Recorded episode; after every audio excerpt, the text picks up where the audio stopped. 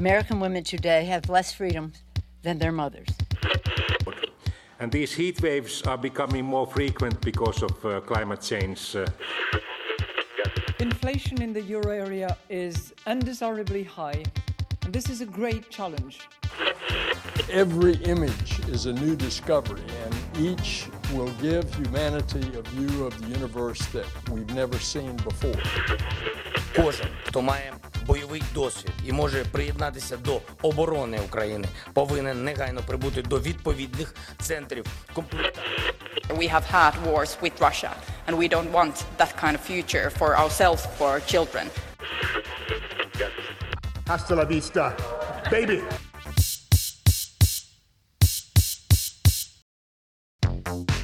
Þú ert að hlusta á heimskviður. Þáttunum það sem gerist ekki á Íslandi. Ég heiti Birta Bjöstóttir. Og ég heiti Bjarni Pétur Jónsson.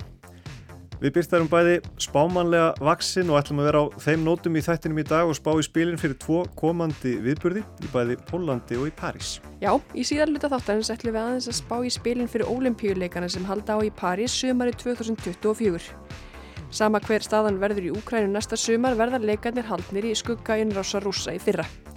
Alþjóða ólimpíusambandið og gæstgjáðanir frakkar standa fram með fyrir ímsum ákvarðunum hverjir er með að taka þátt og hverjir ekki. Og þetta er ekki fyrsta sinn sem átök og pólitík setja marksitt á leikana, eins og framkemur í umfjöldun Arnars Björnssonar um málið eins og fyrir segir í síðar luta þáttarins. Við ætlum nefnilega að byrja í Pólandi þar sem þingkostningar verða í haust, kostningar sem gætu verið afdrifaríkar.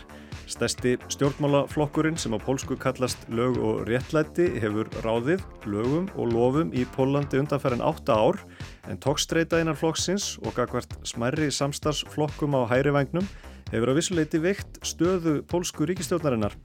Stjórnarnanstæðan er að samena krafta sína undir fórustu Donalds Tusk fyrir fósættis ráþeira sem nú leiðir stærsta flokkin á vinstri vagnum og skoðanakannanir benda til þess að það getur orðið valdaskipti eftir kostningar.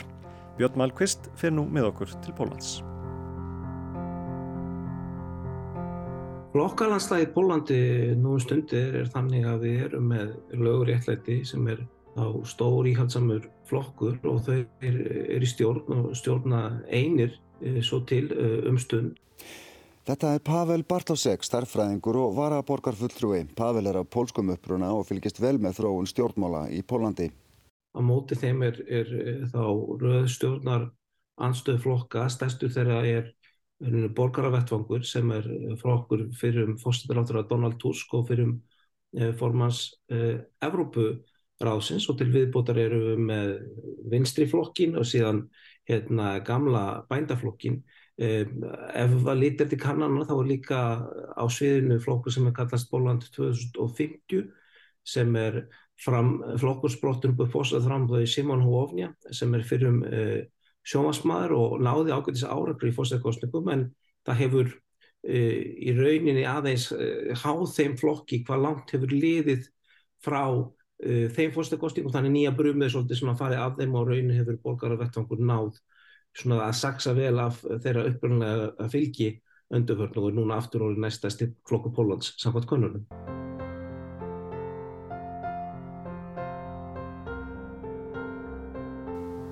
Lög og réttlæti eða PIS eins og skamstöfun á nafni flokksins á pólsku hljómar hefur verið við völd síðan í þingkostningunum 2015 þegar flokkurinn vann gríðarstóran sigur, bætti við sig meirinn 100 sætum á pólska þinginum, þar sitja 460 þingmenn og náði þar reynum meiruluta í báðum deildum sem voru mikil umskipti eftir 8 ára valdatíð borgaravettvangsins lengst aðfundi stjórn Donalds Tusk sem hætti reyndar rúmu ári fyrir kostningarnar til að taka við ennbætti fósetta leðtóðaráðs Evrópusambandsins eins og Pavel vísaði til hér að framann.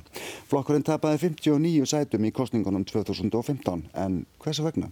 Ég held að eitt stærsti parturinn í því var, var, var það að borgarvættan kom gegn mörgum að margamandi mikilvæg samt umbyldum breytingum. Til dæmis og stærsta var líklegast breyting á eftirvonarlögjöfinni þar sem var ákveð hækkal eftirvonarlætur upp í 67 ár. Hann var þá áður 60 konum og 65 hjá körlum og þessi e, mikla breyting sem út frá öllri hagfræði og e, líðfræði e, var að mínum að þetta er skynsalega nöðslega hins vegar reyndist borgarrættfækki mjög dýrkeift og er mörgulegt ennþá að hérna, há þeim og þeir hafa auðvitað þurft að gefa það yfir að þeir muni ekki endur taka þennan leik þegar þeir komast til valda.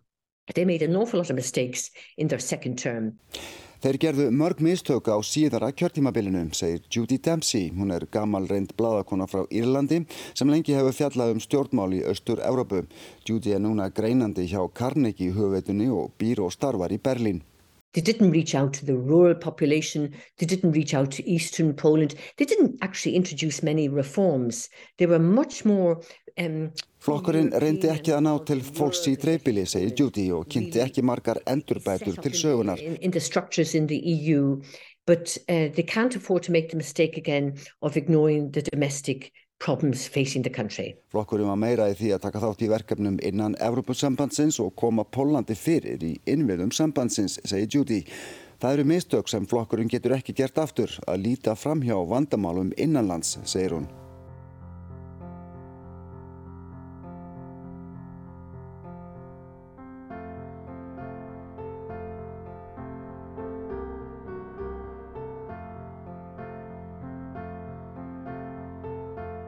Þannig að lög og réttlæti eða PIS tók við árið 2015 með meira hluta upp á fjögur þingsæti og Beatu Sídló sem fósættisráður að fyrstu tvö árin.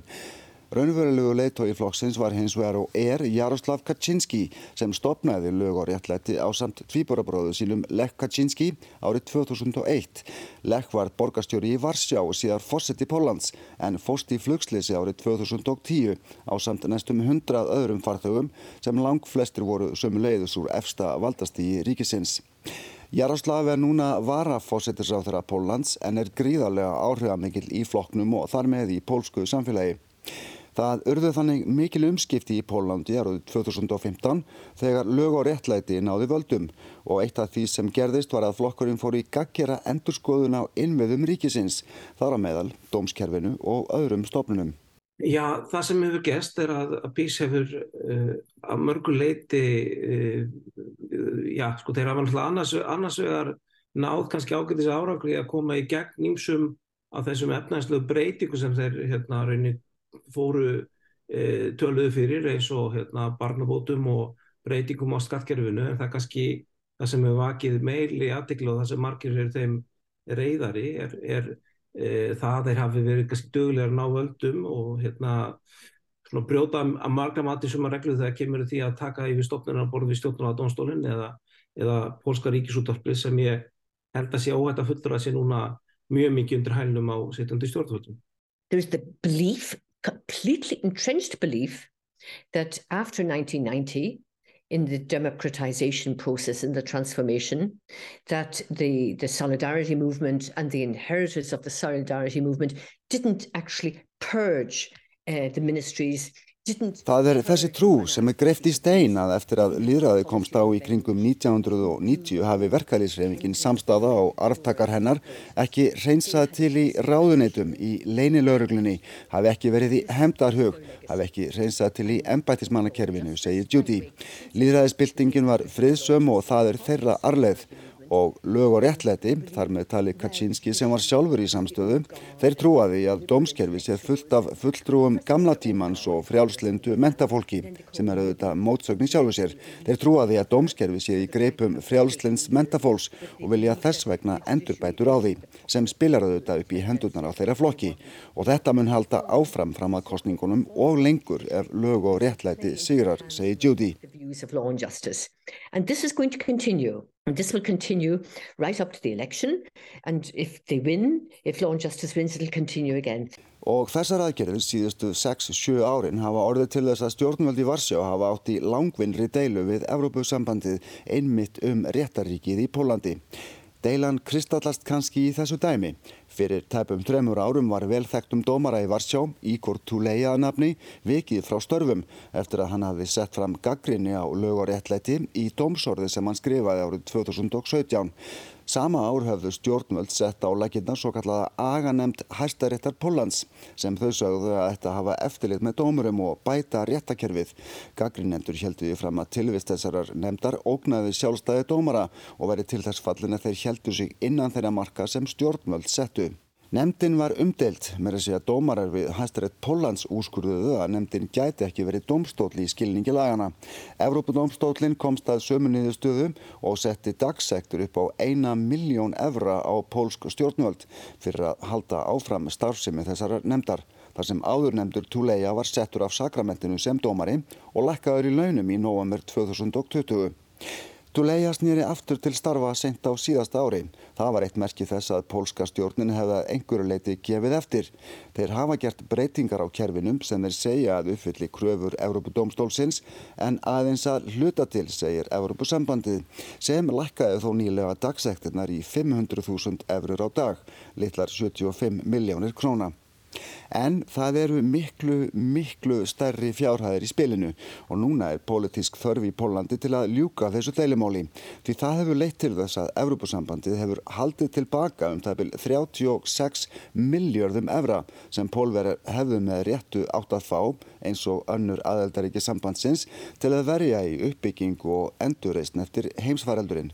Jú, það, það er langvarandi deila og þó að uh, menn séu svona já, stjórni núna við meina að breytinga sem að vera gerð núna eh, gera verkum það sé und að losa þessa sjóði hvort það gerist fyrir kostningar er ekki víst, þeim er það auðvitað mikið í mun að það verði niðurstaðan en, en það er ekki, alls ekki víst að svo verði. Þess staðri hefur reyndar að mínum að um, Donald Tusk og stjórnarnæðan hefur tekist vel að spila inn á, að spila inn á þá miklu fjármenni sem rauninni setja eftir Európa-samtun og geta ekki nýstil uppbyggar í Pólandi. Þetta er dæmum, uh, þarna hafa mann verið nota klókar auðlýsingar og, og, og góðar og þetta er hluti sem getur uh, skilað árangur vegna þess að, að sjálfsögur vilja Póla vera að sjá uppbyggingu uh, í sínu landi og það að, að uh, þessi peninga setja eftir í, í, í Brussel og nýttir er sannarlega eitthvað sem, uh, sem, sem, sem getur nýstjóðunarstöðin í kostingunum. Og það eru ekki öll kurl komin til gravar í þessu máli. Pólska þingið samþykti nýlega breytingar á lögum um aganemdina sem gætu uppfyllt utan að koma til kröfur um sjálfstæði dómara. Lögin eru núna hjá stjórnlagadómstól sem er samkvæmt nýlegum fréttum nánast óstarfhæfur vegna pólitískra afskipta undan farin ár. Þessi dómstól hefur það hlutverkað ákveða hvort lög sem þingið hefur afgreitt séu í samræmi við stjórnarskrá Póllands. En það er óvist hvernig dómstólinn kemur saman næst. Á meðan eru miljardarnir 36 fastir í Brussel og nýtast stjórnveldum ekki á næstu mánuðum einmitt í aðdraganda kostningana. Og talandi um stjórnlagadómstólinn Þetta var ekki dansk í november 2021 þegar týr eða hundruð þúsunda pólveri að viða um landið mótmæltu úrskurði þessa stjórnlega domstóls frá því ári áður um mun strángari reglur um þungunarof að læknar mættu ekki framkalla þungunarof vegna fósturgalla eða vegna þess að fóstrið ætti sér ekki lífsvon. Mótmælinn brutust út eftir að ung kona lést á meðan læknar hennar byðu eftir því að fóstur hennar væri ekki lengur með lífsmarki. Bannið er enni gildi, kannanir hafa sínt að stór meiraluti pólverjar á mótiði og vilja þjóðratkvæðagreislu en það er hins vegar meiraluti fyrir því á pólska þinginu. Ég svo eh, ákvörðun var í rauninni tekin af eh, stjórnla domstólhansins eh, ekki þinginu og hefur og var gríðarlega umdelt á sínum tíma en hefur kannski ekki náð því gegn að, að það sé útlitið frá skoðankonunum núna að flokkur muni e, allavega auðvölda að tapa völdum af því að þeir eru ennþá hæstir í, í öllum konunum sem hafa verið gerðar á þessu ári. En það eru samt fleiri pólitísk vandamál sem blasa við stjórnarfloknum. Lög og réttlæti vann áfram stóran sigur í kostningunum 2019 en tapaði hins vegar meira hlutanum í efri dilt þingsins og hefur þurft að reyða sig á stöðning minni flokka á hægri vagnum. Dómsmálar á þeirra Póllands, Zbigniew Ziobro, leiðir lítinn flokk saman að Pólland sem er í samstarfi við lög og réttlæti en er enn harðari í anstöðu sinni við að uppfylla kröfur Európa-sambandsins um breytingar á réttakerfinu og það eru aðrir sem ógna stöðu stjórnarflokksins? Já, það er svona auðvitað kannski aðeins í að, að einn flokkur sem er að byggjast upp að mörgum liti hægra megin við löguréttlæti er flokkur um konfederatsia sem mætti tólka sem sambandið sem er flokkur ist á jæðri hægri vangsins og leggur þá raunin ennþá meira upp úr uppur anstöðu Evrópusambandið og ímisleg íhaldsum gildi og það lítur út að samkvæmt könnun þá sé sáflokkurinn á ágætis árangri þannig að það er svona ákveðin, má segja að þessi ákveði aðhald á hægri sem, sem lögurhald rétt að þeirra fá þar. Í nýlegum konunum hefur sambandið nefnilega verið að fá 7-10% fylgi. Það eru vissulega nokkrir mánuður í kostningar í Pólandi en ef staðan breytist ekki mjög mikið þá geti farið svo að þessi flokkur sem var til dæmis á móti aðstofa pólverið við flóttafólk frá Úkrænu eftir innráð rúsa í fyrra og er mjög í nöp við allt sem kemur frá Brussel verði í líkil stöðu ef lög og réttur þarf aðstofið að mynda starfhæfan meiri hluta. Flokkur Donalds Tusk, borgaravettvangurinn, samkvæmt öllum konunum en þó ekki svo stór að virðast eiga möguleika á að ná meira hluta á þinginu. Wspólny rząd jest możliwy z partiami demokratycznymi i to my wyraźnie deklarujemy, że taki wspólny rząd z partiami demokratycznymi Samsteypustjórn með líðræðisflokkum er möguleg, sagði Vladislav Kosiniak Kamish, leiðtogi bændaflokksins, þegar hann og leiðtogi flokksins Póland 2050 tilkynntu fyrir nokkrum dögum að þeir ætlaði að bjóða fram sameiginlega lista í kostningunum í haust. Við viljum slíka ríkistjórn eftir kostningar, sagði Kamish. Það stóð ekki á viðbröðum frá Donald Tusk, leiðtóa borgaravettvangs. Hann fagnaði þessari ákvörðun, sagði á Twitter að stjórnaranstæðan geti samanast um eitt takmark, sigur í kostningunum. Um 16 miljónir kjósenda greitu atkvæði í síðustu þingkostningum, þar af um 400.000 pólverið sem búa erlendis. Möguleikar þeirra til að hafa áhrif á niðurstöðuna eru líka orðnir að pólitísku bitbeini í Pólandi málefni kjósenda erlendis dálit, hefur dálítið búið að góma í aðröndarsar kostninga vegna þess að það er búið að setja ný eh, kostningalög sem þrengja að margra mati talsverð að kostningvisti pólveri erlendis e, með þeim hætti til dæmis að það er búið að setja miklu þrengri skorður um talningu. Talning verður að eiga sér stað þannig að sko atkvæðið er lesinu og það verður að vera kjörstut og meðlimi sem telja þau og flokka og, það, og talningu, það sem skiptir mest máli, talningu verður að vera lokið innan 24 tíma frá, frá því að kjörstum lokar sem erlendis. Og þeir sem hafa verið að telja atkvæði í stórum kjörstum eins og London og annar staðar telja hann algjörlega útilokað með að við nú verðum þetta kerfi að ná þessu fram og þá verður atkvæðin á viðkvöndu stöðum að falla niður döið og samkvæmt lögunum. Og þetta er svona þeir sem Uh, hérna, stjórnaranstaðan vil meina að þetta sé stafi af því að, að uh, Pólverðar ellendis hafi stórum stíl kosið stjórnaranstöðuna en ekki lögur réttlætti í öllum kostningum að undaförnu og það sé kannski þarna ákveðin tilröndis að draga úr vægir þeirra atkvæða. En á móti er mikið gert þess að auka kjósokn í sveitum landsins með lögum að þú er rétt að þið verður skuttla á kjörstáð og svo framvegið sem allt er þið besta mál. En en, en þetta með, með rauninu framkvæmt kostninga erlendis getur e, alltaf haft eitthvað að segja. Og hvað með afstöðu pólveri sem eru búsettir á Íslandi og taka þátt í kostningum í Pólandi? Niðurstöður þeirra eru allt aðrar en heimaferir, segir Pavel. Já, það er, það er hægt vegna þess að kostningar eru taldar á hverjum skjóstaði Pólandi. Þannig að við veitum til dæmis að í senstu þingkostningum á Íslandi þá vann vinstriflokkurinn sem fekk eh, sko 9-10% atkvæð í Pólandi öllu. Þannig að Um, þannig að það má kannski reyndar að segja að, að fólk kallist meira að jöðrunum á Íslandi að segja að það er, er vinstirflokkurinn síðan kannski flokkur mjög langt til hægri sem, sem eh, hafa fengið talsett fylgi. En, en óneitanlega þá er eh, þá myndi löguréttlegt ekki stjórnarlandunum eitt ef aðkvæði bólur á Íslandi myndi ráða heldur myndi vera mögulega þriðið eða fjórðistæsti flokkur. Þannig að eh, það er klár munur uh, hérna, á, á þessu eftir, eftir lönd. Olimpíuleikarnir í París á næsta ári verða haldnir í skugga innrása rúsa í Úgræni. Margar þjóðir í huga að mæta ekki til keppni verði íþróttamönnum frá Rúslandi og Belarus leið þáttaka. Alþjóða olimpíunemndin er vandi á höndum en þetta er ekki í fyrsta sinn sem pólitíku og átök setja svipsinu olimpíuleikana. Arnar Björnsson tekur nú við og ræði meðal annars við Lárus Blöndal formann Íþrótta og Olimpíusambands Íslands.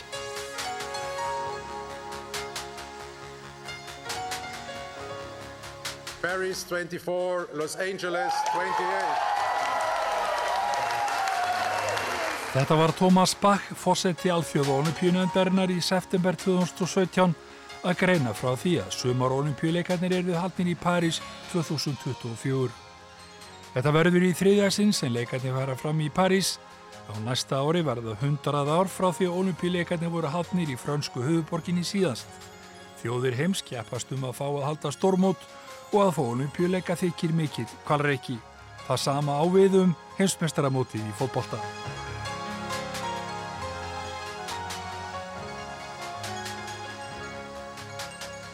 Приветствую поклонников футбола и лучшие футбольные сборные планеты. Всех, кто уже приехал в Россию и кто только... Þarna byður Vladimir Putin fósetti Rúslands, knaspinnu áhuga fólk og bestu fótbóttali heims, velkomin til Rúslands. Rússar voru geskjafar HM 2018 og móti þótti takast vel í alla staði.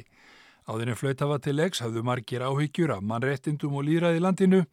Steve Rosenberg, fréttamaður BBC í Rúslandi, segir í grein skömmu eftir ústýttaleikin að á þeim rúmu 20 árum sem hann hafi búið í Moskvu hafi fórsetin aldrei náð jafngóðum árungri í almannatengslum.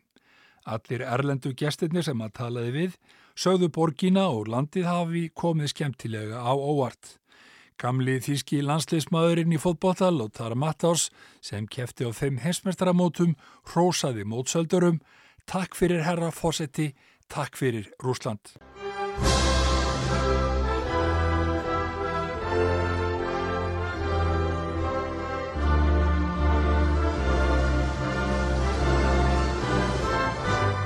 Чемпионат мира в России завершается. Мы гордимся тем, что нам удалось сделать для любителей этого замечательного вида спорта. Putin sagði rúsar hekna og stolta og sagði sannferður um að vinni þeirra frá Katar myndu gera þetta jafnvel rúsar af fjórum áru linum 2022. Tæplega fimm árum síðar breyttist álit Vesturlandabúa á rúsum 50 daginn 24. februar 2022.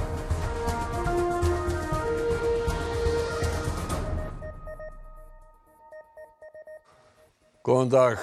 Við sendum út þennan auka fréttatíma vegna innrásar rússa í Úkrænu. Rúsneskar hersveitir réðust í nótt inn í Úkrænu úr norðri, austri og suðri. Fregnir hafa borist að mannfalli, að minnstakosti 100 hafi látið lífið. Ríkistjórnir vestrætna ríkja hafa fordæmt árásir rússa harlega og sagt að efnahagslega refsiaðgerðir verði hertar til muna.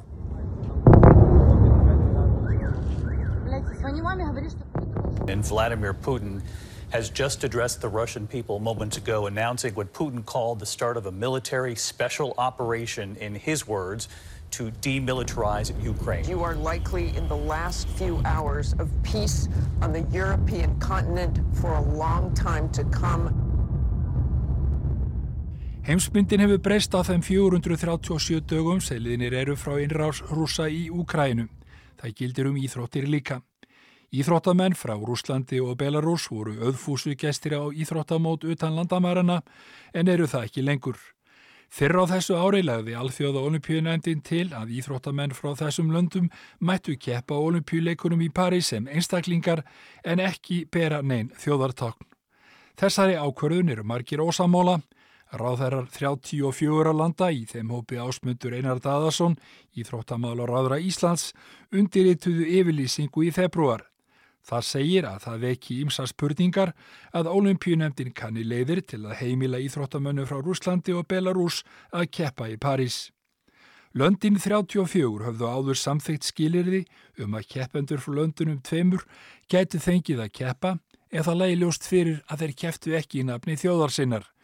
Hlutleysið er þó dreyði efa vegna þess að íþróttamenendir eru fjármagnaður og stuttir af stjórnvöldum þar sem íþróttur og stjórnmál eru nátt tengt, svo ekki sem minnst á tengsl íþróttamanna við her viðkomandi landa.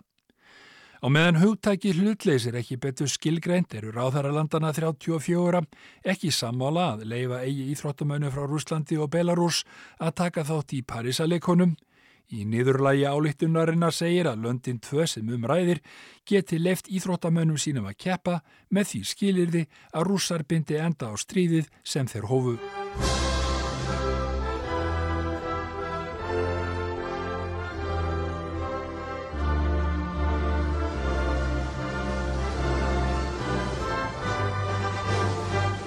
Fyrr á þessu ári höfnuðu íþróttamálaráðara Ístrassaltstríkjana, Lettlands, Litáin og Íslands, auk Póllands, að heimila íþróttamönnum landana tveikja að keppa í París.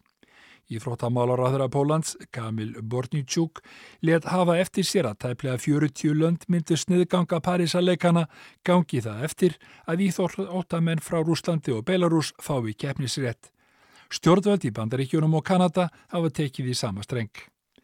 Lárus Blöndal er formaður Íþrótta og Olimpíusambands Íslands. Hann segir að samúð Európulanda sé með Úkrænu. Við höfum nú náttúrulega verið í svona kannski miklu samstarfi eins og endranæður með, með, með Norrlanda þjóðunum og við höfum verið algjörlega við höfum verið algjörlega skýra okkar skoðun að, að við teldum að, að það væri ekki við hæfi að rússar og kvíturússar tækju þátt í, í, hérna, í, í þróttakeppnum á meðan að þetta ástand eh, stæði yfir í, hérna, í Ukrænu og það er raun og veru svo staða sem er uppi hjá okkur í dag við, við teljum að, að, að það sé mjög óheipilegt og það líkur auðvitað fyrir núna líka að, að það veri haldnir Evrópuleikar í sumar og, og þar er það alveg skýrt að hvorki rúsarni, kvíturúsar fá að taka þátt.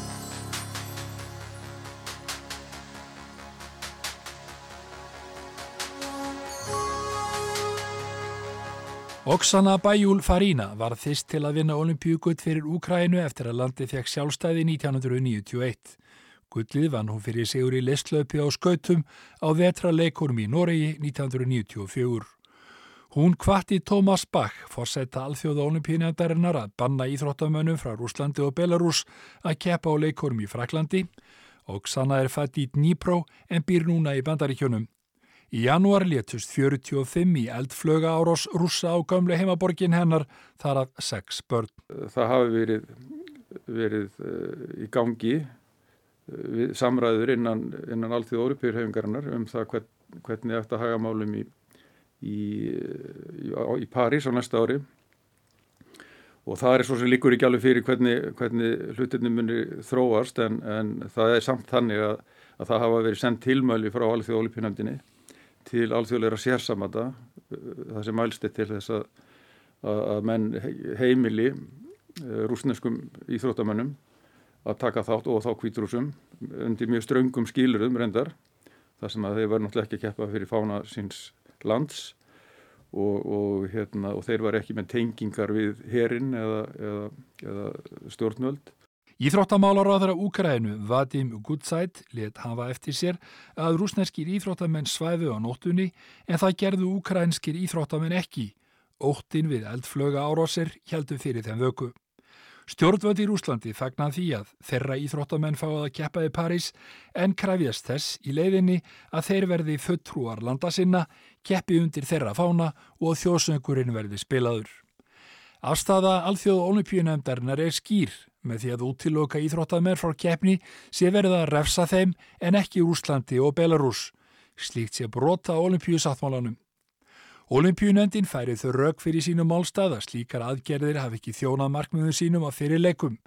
Í staðin hafi íþróttamönnum sem munni hafa sér rétt til keppni og leikunni verið refsað með því að meina þeim þáttöku. Trátt fyrir sko afstóð okkar hérna í Evrópu sem mjög aftráttalus þá, þá verður bara að segja þess að maður, maður sér það á þessum fundum að að, að afstæða manna í fjarlægar í löndum er, er bara tölvist mikið önnur og, og menn uh, þar virðast ekki telja sér þurfa að, að, að hérna, uh, einhvern veginn að breyta leikriklunum vegna þess, þessa stríðs frekar kannski margra annara sem eru svo sem háði í, í heiminum í dag. Segir Lárus Blöndal fórseti í Íþrótt og Olympiusambands Íslands Á meðan alþjóð olimpíunendi reynir allt til þess að leifa öllum sem hafa unnið sér einn rétt til keppni er afstæða margra og alþjóðasambanda önnur. Alþjóða frjálsýþróttasambandið samþýtti skömmu eftir einrásina í Úkrænu að banna íþróttamönnum frá Rúslandi og Belarus að keppa í fyrirsjáanleiri framtíð. Sebastian Kó, fórseti alþjóða frjálsýþróttasambandsins, er harður í afstöðinni. Hann sagði í mars á þessu ári að efnaðast þinganir á rúsa væri eina leiðin til að koma á friði. Eðilegging íþróttamannvirkja og dráp á 185 ukrainskum íþróttamönnum hefur gert mig enn staðfastar í þeirri trú að banna þáttöku íþróttamanna þessara landa.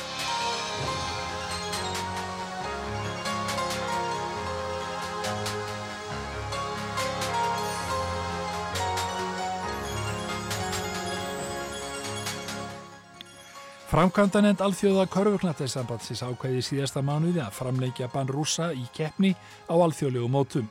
Þeir fá því ekki tækifæri að taka þátt í fórkeppni olimpíuleikana sem verður í ágúst og því ljóst að þeir verða ekki með í París.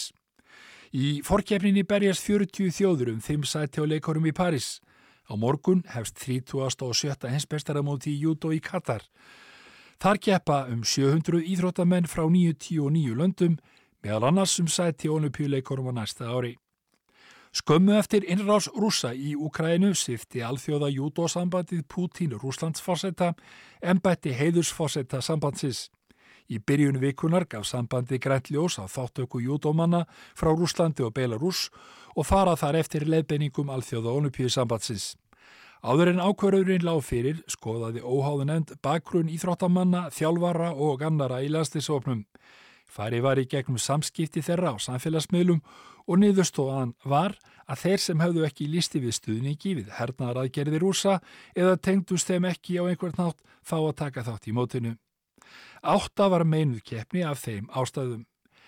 Þegar það lág fyrir tilkynntu Úkrænumenn að þeir myndu ekki mæta til leiks. Júdósamband Úkrænu fullir þeirra meiri hlutir úsnesku júdómannana séu hermenn að atfinnu. Átta úkrænskir júdómenn þóttu líklegir til að eiga möguleika og komast ólupíleikæni í París á næsta ári. Við erum með 206 þjóðir innan allþjóð ólupínamdarinnar. Eh, við erum með 50 þjóðir í Európu og það er alveg ljóst að, að, hérna, að, að það er það getur komið til þess að meira hlut valdið hérna, taki yfir höndin, höndina þannig að það verði, það verði hérna, reynda, að opna einhverja glugga fyrir rúsa og kvíturúsa. Sjálfur tel ég mjög ólíklegt að, að við munum boykotta eða, eða ekki taka þátt í, í leikum. Við munum bara sætt okkur vantarlega við vilja meira hlutans og þráttur er að hafa sínt okkar andstöðu í, í verki og mjög skýran há. Gæti ekki komið svo staða upp að þið verðuð bara betið þrýstingjum það að, að takk ekki þátt? Jú, það er auðvitað ekkert, ekkert komið fram ennþá en, en það er alveg viðbúið. En það eru samt ímið sjónamið uppi í Európu og við höfum séð það bara í, á fundum sem að, maður hefur setið með, með alþjóð olipinendinni og, og Tómasi Bach, fórsetta olipinendarinnar að þar hafa komið fram sjónamið frá einsum stórum löndum í Európu sem að, sem að hafa, hafa verið ákvæð fyrir því að, að rússar og, og kvíturússar fengi að taka þátt undir með ströngum skilurum. Þetta er mjög viðkvæm staða og bara mjög erfið staða og, og, hérna, og enga veginn augljóst hvernig þetta minni enda.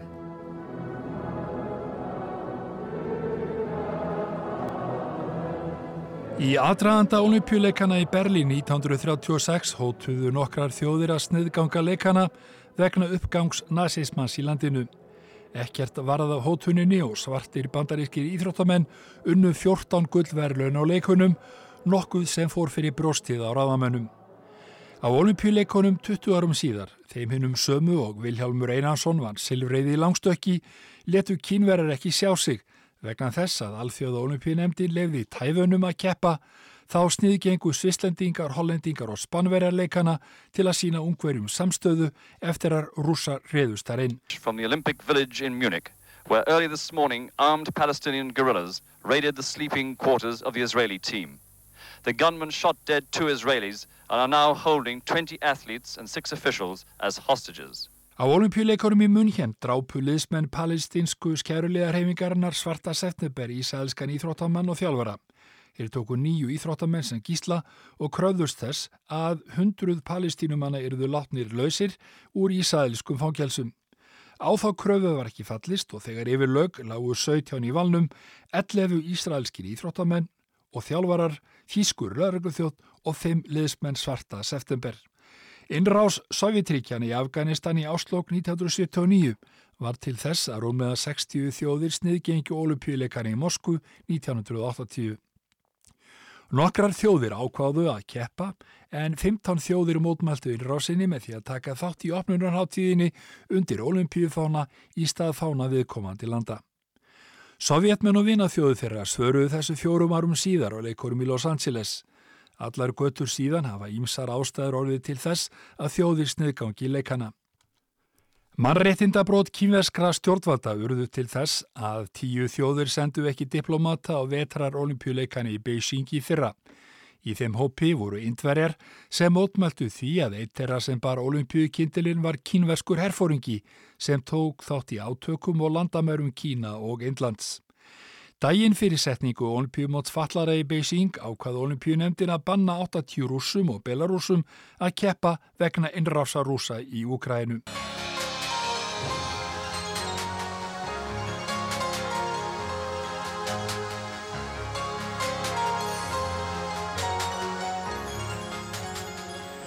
447 dagar eru í setningu olimpíuleikana í París. Ef sér ekki fyrir endan á stríðinu í Ukrænu ekst þrýstingur á þjóðir heims að banna þáttöku í þróttamanna frá Rúslandi og Belarus.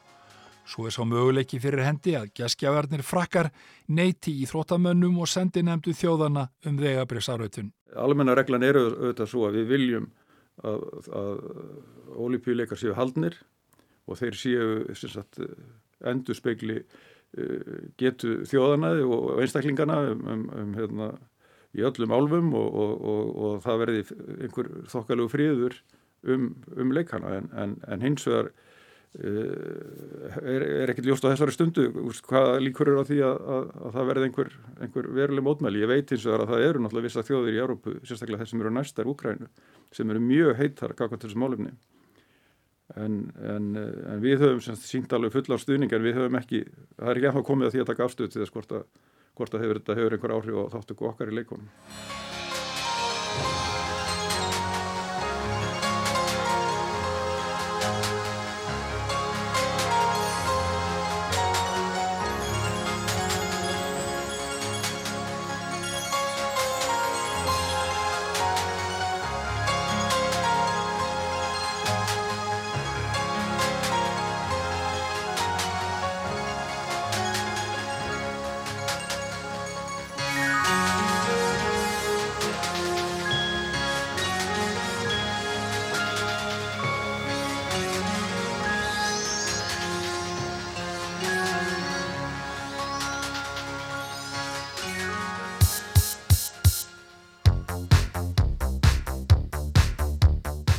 Þá er ekki fleira í heimskviðum þessa vikuna. En við verðum hér aftur á sama tíma í næstu viku. Takk fyrir að hlusta.